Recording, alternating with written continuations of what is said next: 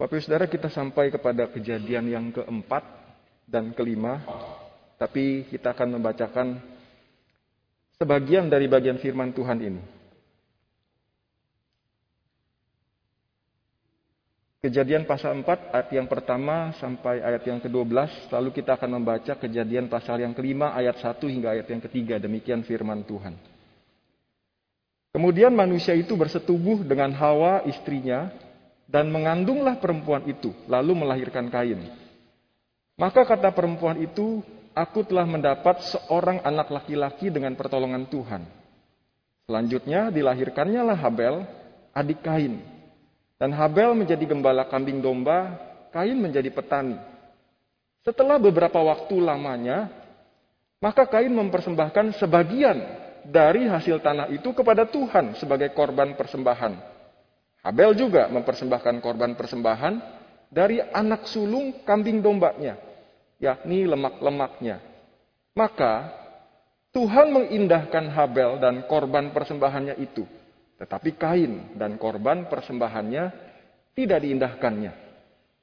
Lalu hati Kain menjadi sangat panas dan mukanya muram.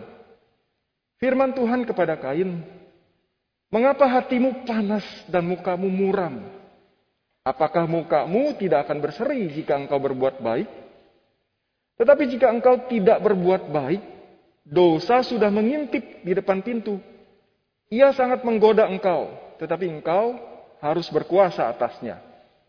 Kata Kain kepada Habel adiknya, marilah kita pergi ke padang.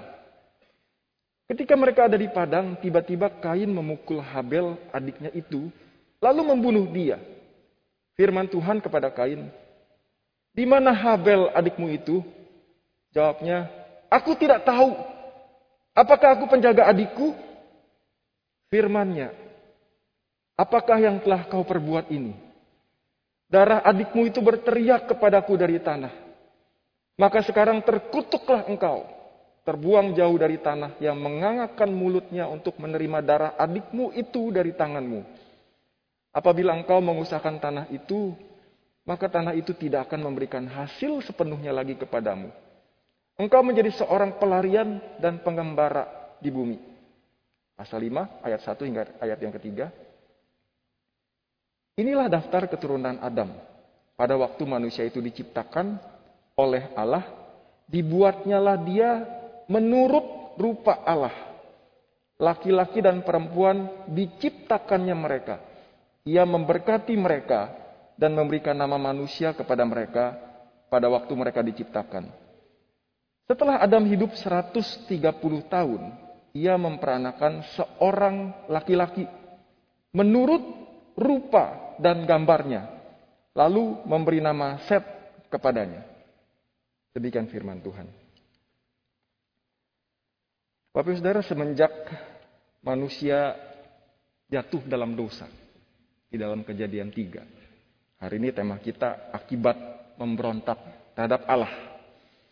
Kalau kita baca di dalam kejadian tiga ayat yang sepuluh. Setelah manusia jatuh dalam dosa, maka relasi dengan Tuhan itu menjadi rusak. Pasal 3 ayat 10 mencatat terhadap Allah manusia bersembunyi. Bahkan ketika Tuhan mencari manusia, manusia merasa tidak aman lagi dengan kehadiran Allah di dalam hidup mereka. Manusia merasa tidak aman lagi dengan kehadiran Allah di dalam hidup mereka. Lalu pasal 3 ayat 7 di situ dicatat ketika Adam dan Hawa makan buah itu. Maka hal pertama yang mereka lakukan adalah mereka menutupi ketelanjangan mereka. Relasi terhadap sesama menjadi rusak. Yang tadinya Adam bisa melihat tubuh Hawa. Yang tadinya Hawa bisa melihat tubuh Adam. Yang sempurna sebenarnya. Tapi mereka merasa ada yang salah dengan tubuh mereka. Ada yang salah dengan diri mereka.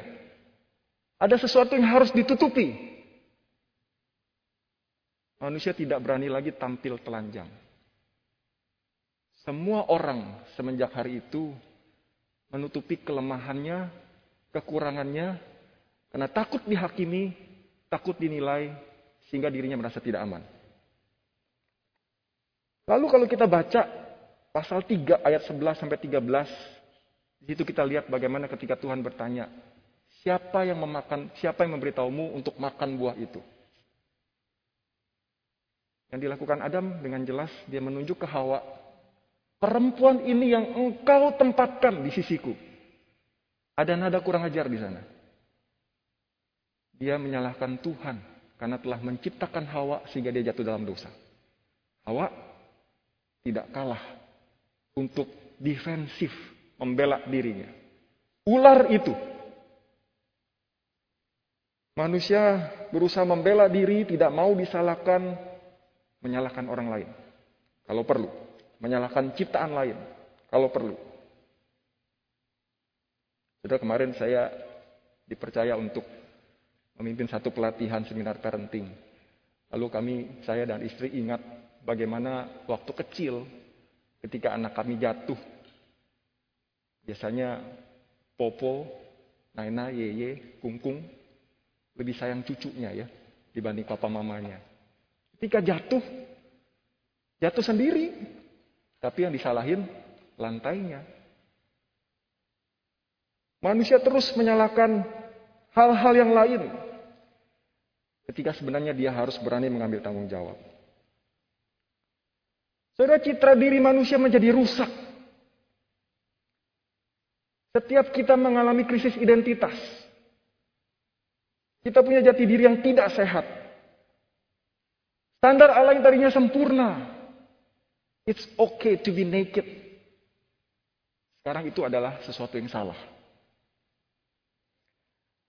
Saudara, kalau kita baca kemudian di pasal 5 tadi dikatakan Pertama kali Tuhan menciptakan manusia menurut gambar dan rupanya. Sempurna adanya. Tapi ayat 3 dengan jelas mengatakan. Ketika Set lahir. Diciptakan menurut gambar dan rupa Adam. Yang sudah tidak lagi sempurna, yang sudah jatuh dalam dosa. Dan kita telah membaca bagaimana di dalam kejadian 3. Lalu kejadian 4 yang kita baca. Dosa yang satu. Memimpin kepada dosa yang lain. Ketika tidak diselesaikan. Dosa memberontak kepada Tuhan melahirkan dosa-dosa yang lain. Dosa vertikal, dosa terhadap Tuhan, pasti berakibat dosa horizontal. Allah tidak, didaat, tidak lagi ditaati dan tidak lagi dihormati.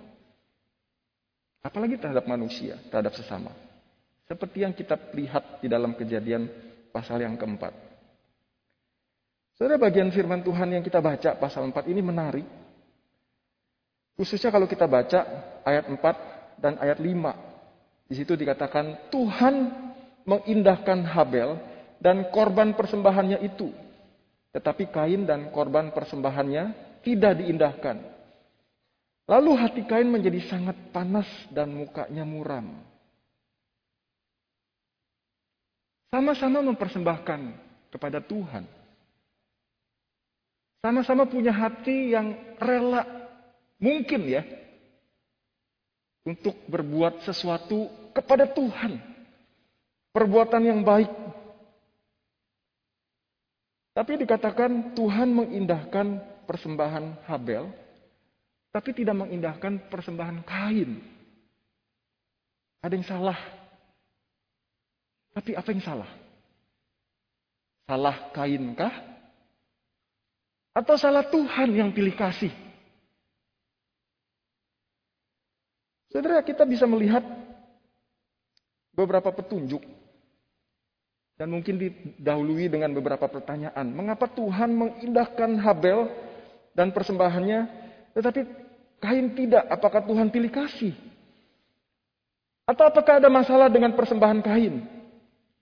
Apakah karena perbedaan persembahan antara kambing dan hasil tanah? Apakah karena persembahan Habel itu lebih banyak? Atau apakah karena persembahan Habel lebih mewah? Berbagai pertanyaan kita bisa tujukan, bisa kita ajukan kepada Tuhan. Tapi mungkin ayat 3, ayat 4 bisa menjadi beberapa petunjuk bagi kita ya. Ayat 3 dikatakan setelah beberapa waktu lamanya. Maka Kain mempersembahkan sebagian Frase setelah beberapa waktu lamanya, baru Kain mempersembahkan. Dan kata sebagian dari hasil tanahnya, itu mungkin memberikan kita beberapa petunjuk. Karena kalau dibandingkan dengan Habel, ayat 4 dikatakan, Habel juga mempersembahkan korban persembahan dari anak sulung. Saudara, di dalam bilangan 18 ayat 12, firman Tuhan mengatakan begini. Segala yang terbaik dari minyak dan segala yang terbaik dari anggur dan dari gandum yang yakni yang sebagai hasil pertamanya dipersembahkan mereka kepada Tuhan. Yang terbaik hasil pertamanya dipersembahkan kepada Tuhan. Terbaik hasil pertama. Mungkin kita jadi bertanya-tanya, ini persembahannya Kain yang terbaik kah? Karena jelas ini bukan yang pertama. Bukan hasil tanah yang pertama yang dia persembahkan. Kalau kita bandingkan dengan bagian firman Tuhan, bilangan 18 ayat 12. Dibandingkan dengan dengan Habel, tetapi anak sulung lembu, bilangan 18 ayat 17, domba atau kambing, janganlah kau tebus. Semuanya itu kudus. Darahnya haruslah kau siramkan pada mesbah dan lemaknya kau bakar sebagai korban api-apian menjadi bau yang menyenangkan bagi Tuhan. Ini yang dilakukan oleh Habel. Tapi kan waktu itu belum ada bilangan, belum ditulis. Masih di awal kitab kejadian. Saudara pertanyaan saya begini. Kalau gitu bagaimana orang-orang di dalam perjanjian lama kok bisa juga jadi orang-orang pilihan. Sementara Yesus baru datang ribuan tahun setelah mereka. Saudara kita kenal yang namanya iman. Orang-orang dalam perjanjian lama punya iman yang tertuju kepada nanti ketika Yesus datang kedua kali. Menjadi juru selamat mereka. Kitab bilangan memang belum dicatat. Tapi kalau kita baca di dalam pasal Ibrani pasal 11 ayat yang keempat, di situ dikatakan karena iman Habel mempersembahkan yang terbaik kepada Tuhan. Saya percaya Sorry, bukan Kain ya, Habel. Waktu Habel mempersembahkan kepada Tuhan. Dia mempersembahkan dengan segenap hatinya kepada Tuhan. Dia tahu Tuhan layak menerima yang terbaik dari saya. Dia tahu semua hasil yang dia peroleh itu berasal dari Tuhan. Tidak, tidak ada yang perlu saya tahan-tahan. Saya persembahkan semuanya yang terbaik untuk Tuhan. Hasil pertama. Saudara mengenai masalah persembahan kain memang banyak tafsiran. Alkitab tidak memberikan petunjuk yang sangat spesifik kenapa Tuhan tidak mengindahkan persembahannya. Tapi Tuhan tahu hati Kain. Sudah ini ngomong tentang persembahan ya. Kalau kita mempersembahkan kepada Tuhan, berapa banyak yang kita persembahkan? Apakah kita pernah kepikir begini? Saya udah cukup kasih Tuhan lah persembahan setiap bulan 10 juta. Masa mesti lebih sih? Walaupun penghasilan kita 1 M, harusnya 100 juta ya. Tapi 10 juta itu udah banyak. Saudara gak ada yang tahu. Orang lain bisa berkata, wah persembahannya 10 juta loh. Banyak. Tapi Tuhan menyelidiki hati. Ada yang kita tahan-tahan. Dan itu juga bukan yang terbaik. Mungkin itu adalah hasil dari komisi, bukan hasil dari pendapatan saya. Cuma hasil komisi yang 10 juta, hasil komisinya pun 100 juta. Tapi itu bukan pendapatan saya seutuhnya.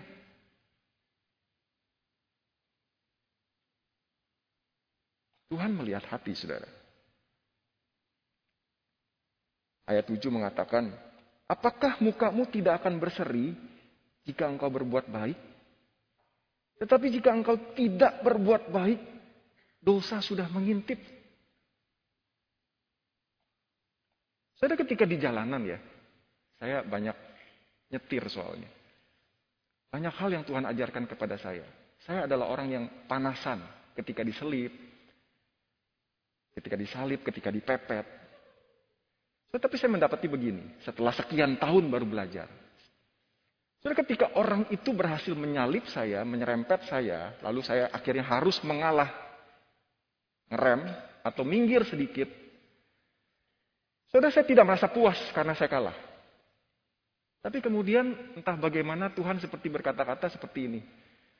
Memang kamu yang harus menghakimi orang itu. Memang kamu yang harus menghukum orang itu dengan mengejar dia dan kemudian balas memepet. Supaya dia tahu perasaannya seperti apa ketika diperlakukan seperti itu. Tapi kemudian Tuhan mengajar saya begini. Bukan kamu yang harus membalas. Pembalasan adalah hakku katanya Tuhan. Berkali-kali Tuhan bilang begitu, baik di perjanjian lama maupun perjanjian baru. Tapi yang lebih mengerikan, ketika orang berbuat jahat kepada kita, dan kemudian kita tidak menuntut balas, karena itu adalah haknya Tuhan kita tahu. Dan Tuhan izinkan dia berhasil berbuat jahat terhadap saya, terhadap kita, menyakiti kita, dan tidak ada yang membalas. Saudara sadarkah bahwa itu adalah hukuman untuk orang itu? Karena Tuhan tidak lagi mau menegur orang itu. Karena Tuhan membiarkan orang itu berbuat jahat. Tapi di sini Tuhan mengatakan, apakah mukamu tidak akan berseri jika engkau berbuat baik? Bukankah itu satu teguran yang halus? Saudara Kain hatinya sangat panas, sangat panas. Sampai nggak bisa disembunyikan. Sampai mukanya dengan jelas kelihatan. Nggak senang, marah.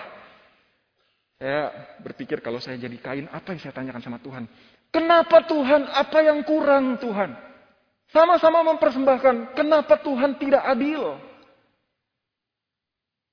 Kenapa orang itu bisa lebih kaya dari saya? Apakah dia lebih cerdas?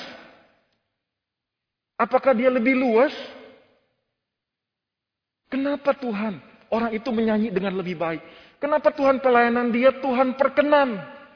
Sementara saya yang sudah berjerih lelah, dia cuma sekedar kasih referensi, koneksi, lalu orang-orang memuji-muji dia. Sementara saya diam-diam, tapi saya berusaha lebih keras membanting tulang untuk Tuhan. Kenapa Tuhan meninggikan dia? Sementara saya tidak dikenal. Saya curhat ya Bapak Ibu Saudara ya. Karena saya orang yang introvert bukan bukan orang ekstrovert. Karena saya tahu ada hamba Tuhan hamba Tuhan yang menjual dirinya supaya dia laku. Ada di antara kita juga yang memang jago menjual diri. Ada orang-orang yang tidak bisa menjual dirinya, tapi hatinya tulus.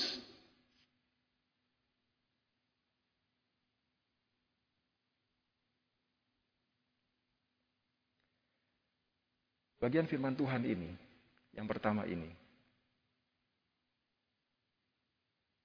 Teguran Tuhan menyingkapkan bagaimana respon hati Kain. Ketika Tuhan di dalam otoritas dan kuasanya hanya mengindahkan persembahan Habel. Siapa saya di hadapan Tuhan? Reaksi saya, respon saya ketika Tuhan menetapkan sesuatu. Sementara saya merasa saya tidak diperlakukan dengan adil terhadap Tuhan. Memperlihatkan siapa saya. Ada di level kerohanian seperti apa saya. Di mana saya. Bukan salah Tuhan pasti. Motif saya bisa tercetus lewat aksi saya. Dan orang mungkin tidak bisa membacanya, tapi ada Tuhan yang bisa melihat. Saudara itu yang pertama. Lalu yang kedua, ketika hati Kain menjadi sangat panas dan mukanya muram. Tuhan kembali mengingatkan, dosa sudah mengintip di depan pintu jika engkau tidak berbuat baik. Dan dosa itu sangat menggoda engkau. Tetapi engkau harus berkuasa atasnya. Sekali lagi Bapak Ibu Saudara, semenjak manusia jatuh dalam dosa, standar kebenaran itu sangat berubah. Yang tadinya telanjang, fine to be naked. Sekarang menjadi sesuatu yang harus ditutupi. Timbul perasaan takut. lari dari tanggung jawab menyalahkan orang lain. Dan dalam kasus Kain, pikirannya jahat, perasaannya menjadi tidak semestinya. Dia iri. Dia iri. Dia sengaja kalau berdasarkan firman Tuhan di dalam bilangan 18 yang kita baca. Lama-lamain kasih persembahan kepada Tuhan. Terpaksa mungkin. Dan ekspresi dari keduanya, bahkan setelah Tuhan menegurnya dengan halus, melakukan tindakan jahat. Melakukan, kalau bahasa polisi, first degree murder. Rencana pembunuhan, pembunuhan yang terencana. Dan kemudian bohong lagi ketika ditanya Tuhan. Saudara Yesus pernah mengatakan di dalam Matius 15 ayat 19 begini. Karena dari hati timbul segala pikiran jahat, pembunuhan, perzinahan, percabulan, pencurian, sumpah palsu, dan hujat. Dari hati timbul segala pikiran yang jahat. Saudara, the heart of the problem is the problem of the heart. Akar masalahnya adalah di hati. Kain yang sudah buta dibutakan karena rasa iri hatinya, rasa bencinya, rasa marahnya. Dia sudah tidak bisa lagi mengelola pikiran dan perasaannya. Pikiran dan perasaan kita sudah pasti mempengaruhi tindakan kita. Apa yang ada dalam hati kita terpancar keluar. Sekali lagi, orang lain mungkin bisa kita bodohi. Tapi Tuhan gak bisa. Saudara di dalam Filipi pasal 2 ayat yang kelima, firman Tuhan bilang begini. Tentang pikiran dan perasaan.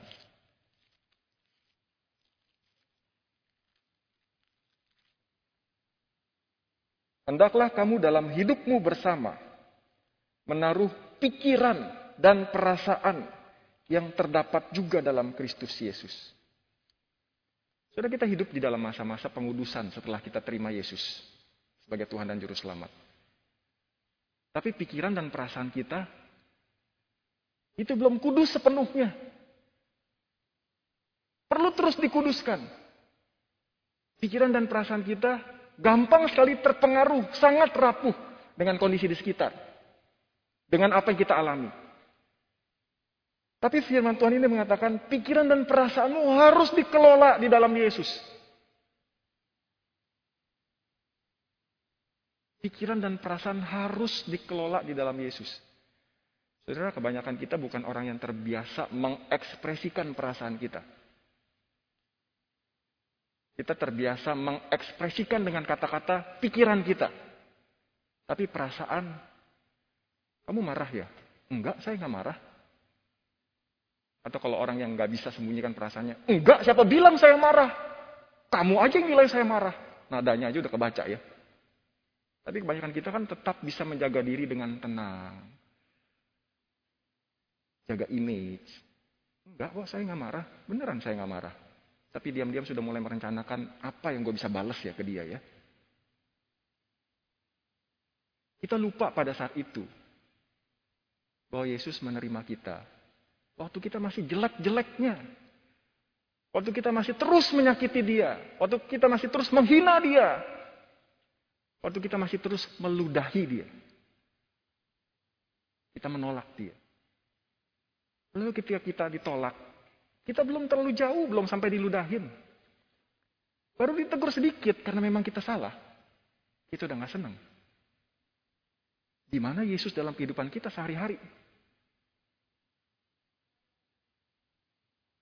Saudara, pikiran dan perasaan kita harus dikelola di dalam Yesus. Kembali memikirkan ketika Yesus diperlakukan seperti ini, bagaimana reaksi dia? Apakah perasaan saya sama seperti perasaan Yesus ketika dia diperlakukan seperti itu, ketika dia dihianati oleh Petrus, ketika dia dijual oleh Yudas. Paling enggak ya di tahap awal, tidak membalas dendam. Dan mengakui bahwa ada Allah yang berdaulat, yang mengatur semuanya dan mengizinkan itu terjadi, kita alami. Ada maksud Tuhan. yang ada kaitannya dengan proses pengudusan kita. Ketika kita minta Tuhan, Tuhan aku mau menjadi serupa dengan Yesus. Aku mau menjadi serupa denganmu. Serupa dengan Yesus kan? Dia dikasih izin. Disakiti oleh orang lain. Tuhan masih baik aja, belum belum membuat kita menderita dengan siksaan fisik yang jelas-jelas nyata di depan kita. Kita masih bisa beribadah dengan nyaman sekarang. Tapi bagaimana ketika itu terjadi? Kita akan mengeluh manusiawi.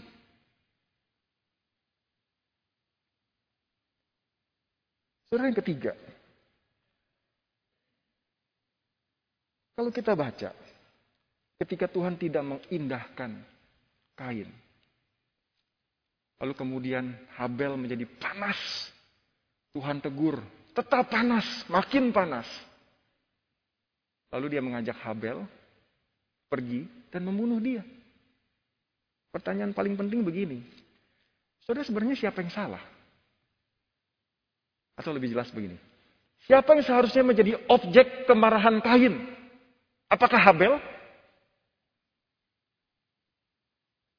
Kain tidak lagi berpikir secara logis, bukan? Yang cuekin dia itu bukannya Habel. Yang cuekin Kain ini Tuhan. Harusnya marahnya ke Tuhan.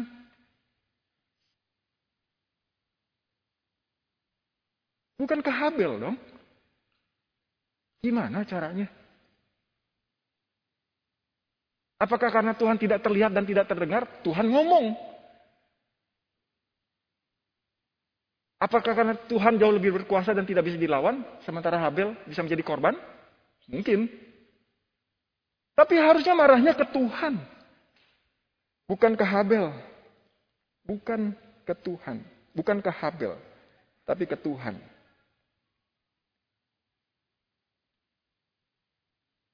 Saudara, seberapa banyak dari antara kita yang di dalam kehidupan ini pernah berpikir Kenapa saya punya anak yang seperti ini? Kenapa setelah menikah sekian tahun istri saya berubah menjadi sangat menyebalkan? Kenapa? Apakah saya salah pilih? Sama-sama anak Tuhan kan ya. Kalau pasangan suami istri dinikahkan, diberkati dalam gereja, sudah ikut PMC lagi. Dua-dua anak Tuhan, tetapi kenapa salah satu dari pasangan itu menjadi lebih mirip setan daripada mirip, mirip Tuhan? Masih anak Tuhan tapi.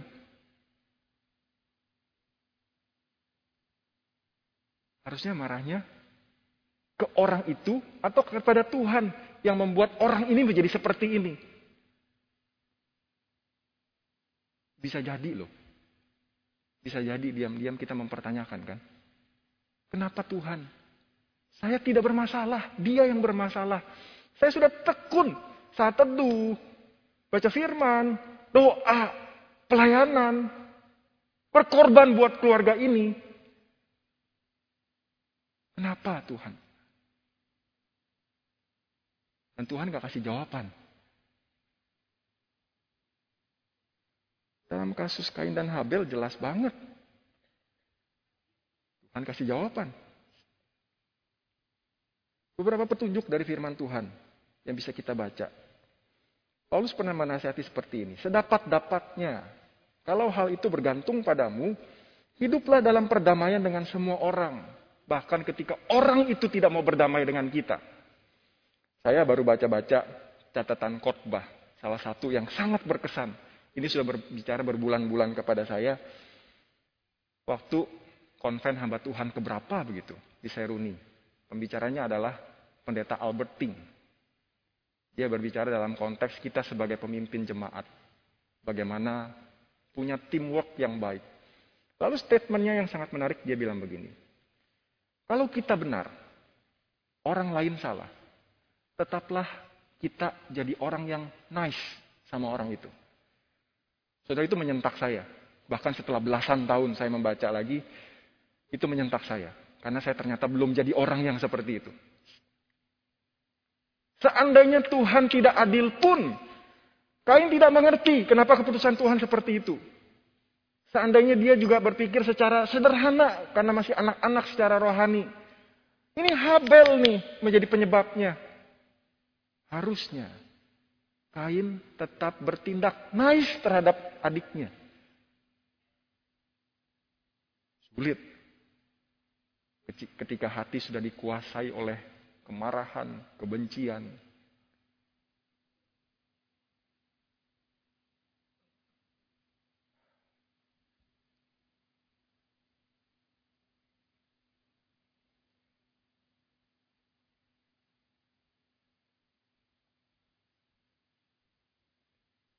Biarlah kita sesuai dengan firman Tuhan. Yang mengatakan, dosa sudah mengintip di depan pintu. Biarlah engkau menguasainya. Biarlah kita deal with it. Deal dengan dosa-dosa kita, menghadapi dosa-dosa kita. Saudara langkah-langkah praktis beberapa. Yang pertama, saudara disiplin diri kita dengan mengakui ketika ada sesuatu yang salah dalam diri kita. Apa pun itu. Iri hati kah? Marahkah? Sedihkah? Kecewakah? Aku itu di hadapan Tuhan. Jangan disimpan. Jangan dipendam. Terhadap siapa pun. Bahkan terhadap Tuhan.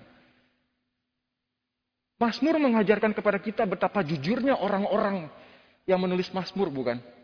Daud raja terbesar di dalam sejarah Israel. Berulang kali mengatakan, Tuhan mengapa engkau meninggalkan aku? Dikutip langsung oleh Yesus yang juga mengatakan kepada bapaknya, Allahku, Allahku, mengapa engkau meninggalkan aku?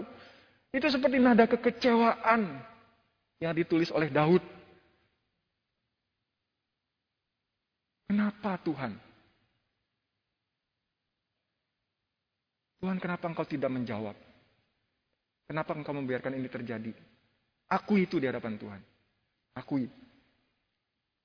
Penyangkalan hanya membuat situasi dan kondisi semakin kacau. Seperti yang dialami oleh Kain. Saudara kita belajar di dalam katekisasi unsur doa itu ada yang namanya adoration. Penyembahan kepada Tuhan mengakui sifat-sifat Tuhan. Setelah kita mengakui apa yang kita alami, apa yang kita rasakan, biarlah kita datang kepada Tuhan dan kita menyembah Tuhan. Tuhan kau adalah Allah pencipta alam semesta ini. Bahkan engkau menciptakan sampai detil-detil. Yang kadang-kadang saya nggak pernah kepikiran tapi Tuhan hadirkan. Tuhan maha tahu. Dan Tuhan kreatif. Tuhan indah, Tuhan mulia, Tuhan agung, Tuhan kudus. Tuhan segala-galanya. Itu akan meredakan gelora, ombak, topan yang ada dalam hati kita, perasaan kita. Biarlah Tuhan yang menguasai itu ketika kita datang menyembah kepada Dia. Dan biarlah kita minta pertolongan Tuhan. Ketika kita sedang menyembah Tuhan dan Tuhan nyatakan sesuatu kepada kita. Kamu masalahnya. Bukan orang itu. Bukan masalah ini. Tapi kamu masalahnya. Ketika Tuhan berbicara seperti itu, itu adalah momen aha. Aha, saya yang salah ya. Bila kita minta ampun kepada Tuhan. Karena dia adalah Allah yang mengerti kita. Bukankah firman Tuhan mengatakan, I am wonderfully made and perfect. Kita diciptakan begitu sempurna. Dan Tuhan tahu keunikan kita. Dan Tuhan juga bilang, aku yang sudah memulai keselamatan di dalam dirimu, aku akan setia sampai pada akhirnya. Dia mau memulihkan kita, saudara.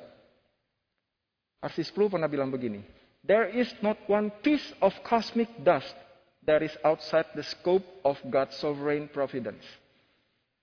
Tidak ada satu titik debu di dalam alam semesta ini yang di luar tangan pemeliharaan Tuhan. Apalagi kita.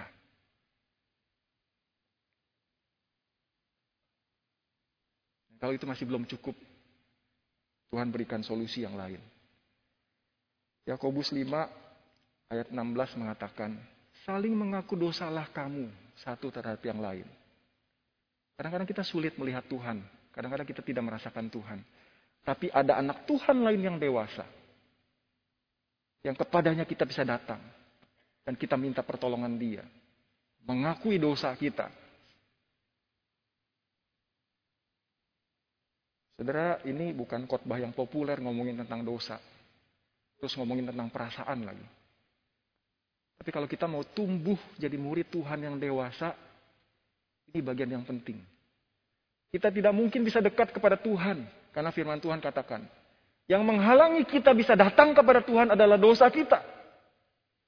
Yang membuat kita tidak bertumbuh adalah penolakan kita terhadap Tuhan dan diri kita. Kita tidak membereskan diri kita. Setelah ketika Tuhan berkata, di mana adikmu? Bukankah itu gaung atau gemak ketika Tuhan katakan di dalam pasal 3 ayat yang 9. Di mana kamu? Sekarang Tuhan bertanya, di mana adikmu? Itu adalah undangan Tuhan. Jawab aku. Ada sesuatu yang salah di sini. Mari datang kepadaku. Aku ingin memulihkanmu. Ketika sapaan lembut itu datang, saudara jangan keraskan hati. Tuhan Yesus sudah mati bagi kita. Bahkan ketika kita masih jadi musuhnya dia. Tuhan tolong kita. Mari kita berdoa.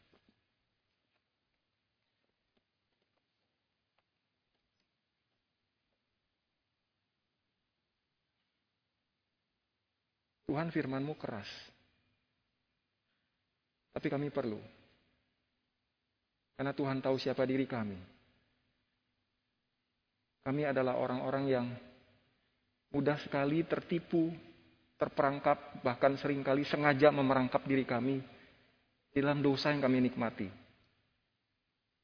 Pagi hari ini Tuhan, kiranya Engkau menolong kami. Kiranya Engkau memulihkan kami dengan kami juga melakukan bagian kami di dalam proses pengudusan ini Tuhan. Kami memohon Tuhan Engkau terus mengajar kami. Engkau terus mengingatkan kami.